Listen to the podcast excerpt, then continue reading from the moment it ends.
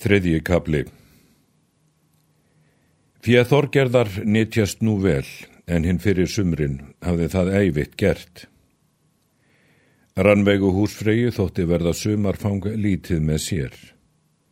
Hún talar einn dag við Þorbjörn og spyr hvert fíenu sé haldið.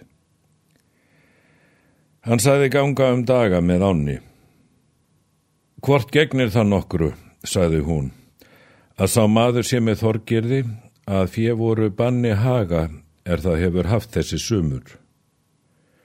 Eru þér þó mislagðar hendur í knýja Þorbjörn er þú hefur hlaupið í höfuð þeim mönnum er sakleysir hafa með öllu verið en þú lætur þennan vitling ganga fram í slíkum ósóma að banna fjö voru gjörð þá er það vil hafa. Hver er sá maður? saði Þorbjörn. Hann heiti Barði, segir Rannveig og er manna minnstur og vesalegastur og liggur hann út í hverja nótt og varðar fjevoru að koma yfir ána. Eftir það tekur Þorbjörn hest sinn og rýður yfir ána og þar kemur hann sem barði var við skála. Þorbjörn mælti þá. Er það satt að þú varðar fjevoru haga þessa og ber það svo það þorir ekki að býta í nánd áni? Höfum við að svo gerfu öngvar nýttjar fjárins. Barðið svarar. Ekki er það logið að ég læta aldrei þitt fjö koma í vora landegn. En það er ekki satt að ég bergi fjö þitt eða varði því sjálfsteins land. Ég ætla yfir nú hafa munu ekki minna sumarfang en hinn fyrir sumur. Hafið þér nú og betur að komist. Þorbjörn Malti Líklegri þykir mér þú til óheimilt hafa en ég. Er þú mátt kallast útilegumadur ef yllar verða heimtur í haust. Nú vil ég að þú kveðjist þessa verks, eðla mun þér ekki hlýða. Barði svarar. Svo hefi ég oftast fjárgæslur tekið að ég hefi haldið vistminni og svo hefur enn verið. Þorbjörn höggur þá barða bana högg og dregur hann síðan inn í skálan og rýður síðan heim og sagði hvað í hefði gerst. Rannveigu þótti þá vel um ráðið og let þegar reka fjöð í land Þorgerðar. Gengur fjöð heim í túnið og brítur ofan sætið hennar og gerir margt ílt. Hún kemur út og sér nautinn standa um allan gardinn þóttist hún vita að yllumundi gegna. Sendir til að reka í burt fjenaðinn og finnur barða veginn í skálanum. Sagðu nú Þorgerði þessi tíðindi. Hún gengur þá inn í eldaskála og sér ref svonsinn. Hún mælti þá.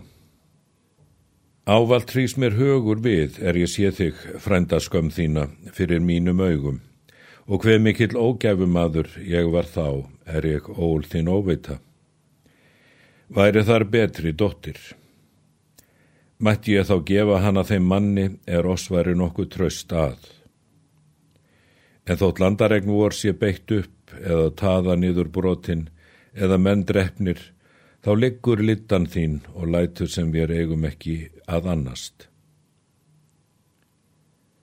Refur rýst þá upp og mælti. Harðar munu að heyra þína fleiri átölur móðir er slíkar eru hinnar fyrstu. Hann tekur ofan högspjót mikill. Steinn hafi verið vopnamaður mikill. Refur gengur nú úr gardi og fer á þá leið að hann skýtur spjótinu fyrir sig og hleypur þar eftir. Húskarlar Þorbjarnar voru á verki og sjá för refs og kenna mannin og gera að gís mikinn. Refustefni heim á bæ Þorbjarnar og er hann kemur fyrir dýr sér hann ekki út til manna. Hann heyrði að konur voru í stofu og töluð um hvort Þorbjörn myndi vaknaður. Þorbjörn hafði lagst niður að sofa.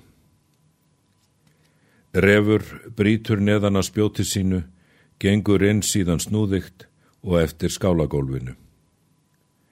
Þorbjörn herði til mannsins og spurði hver þar færi. Refur svarar. Ég fer hér nú. Þú hver, hvað Þorbjörn? Maður af öðrum bæ, segir Refur. Nafnmyndu þó eiga, saði Þorbjörn. Ég heiti Refur og í því snakar Refur í lokrekkjugólfið. Þorbjörn hafði kastað af sig klæðunum og mælti. All mjög förlast mér nú er ég kenni þig ekki. Kom þú heil og vel refur eða hvert er erindi þitt hingað? Refur malti. Mjög er það komið undir þér hvert það skal vera. Hvernin er það? segir Þorbjörn. Refur svarar. Er komin til að beigða bót fyrir víg barða húskarls míns. Mun ekki vera lítil þægur og hafa það er þér er minnst fyrir að láta en mér þó sæmt við að taka. Er mér það sæmt að þú virðir þess orð mín þar þú hefur óríkan mann drepið. Þorbjörn klæðist nú skjótt og mælti. Vel er slíks leitað og má vera að þeg bæti nokkru eða hitt ekki síður að korki bæti ekki þennan neðan einn annan. Refur mælti. Hitt er sæmilegra að þú látir fyrir verða nokkuð. Þorbjörn mælti. Alls þú mæli svo vel til, þá skal fyrir verða nokkuð. Hann var nú klættur, þreifar nú niður með rekkistokkinum og þrýfur þar upp nýveitn, mikinn, enjárnung og með bríni.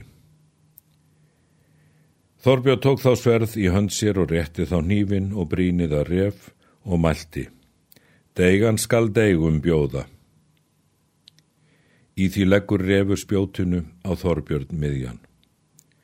Fjall Þorbjörn á bakkaftur og gæti ekki brugði sverðinu. Var það þó friðbent en það bar bráðum að. Refur lög þá aftur hörðina á lokrekkjunni og snýr síðan til útidyrra. Í því var lokið stofuhörðinni. Mikil viðarkostur stóð fyrir karldýrum af regtrjám. Það ráð tók refur að hann hljópi viðarkostin því hann vissi að húskarlar þjórbjarnar voru á leiðinni og þegar myndi vart við verða ef hann færi heimleiðis. Konur hafðu heyrt mannamálið og forvitnuðust til. Sáu þær þá renna blóð eftir golfinu. Kölluðu þær þá á húskarla og er þeir komið til sjá þeir Þorbjörn veginn. Þeir leita refs og finna hann eigi. Engi þóttist hann séð hafa heim ganga. Um kveldið var hætt leitinni. Gekk refur þá úr kestinum og heim. Hann vekur móður sína og bað hana út ganga. Hún gerði svo. Og er þau komu út, spurði hún hvort Þorbjörn hefði nokkuru bætt víg barða. Refur hvað? Mér bauð mætan fúrar, máskeis í dag breiðan, tröytt var það takt í sættir, tínir nýf og bríni. Orms mærar hef eg órum, undan aðri úr mundum, hjarta stíg á neigi, hann og vegið kannad. Seg þú manna heilastur, saði hún, takk þú nú hesta tvo hér hjá gardi og haf hingað til mín. Var þar lagður á söðull á annan en annar var búin með töskur. Voru þar í greipir góðir. Refur tók þá og góð klæði. Þótti hann þá hinn vígalegasti maður. Þorgerður mælti þá. Maður heitir Grímur er þar býr skamt fram í dalin á landi okkuru. Hann skal vera leðtóið þinn en ég sendi þig vestur á barðaströnd til gests bróður míns. Vil ég að þú sér þar til þess er sæst er á vík þetta.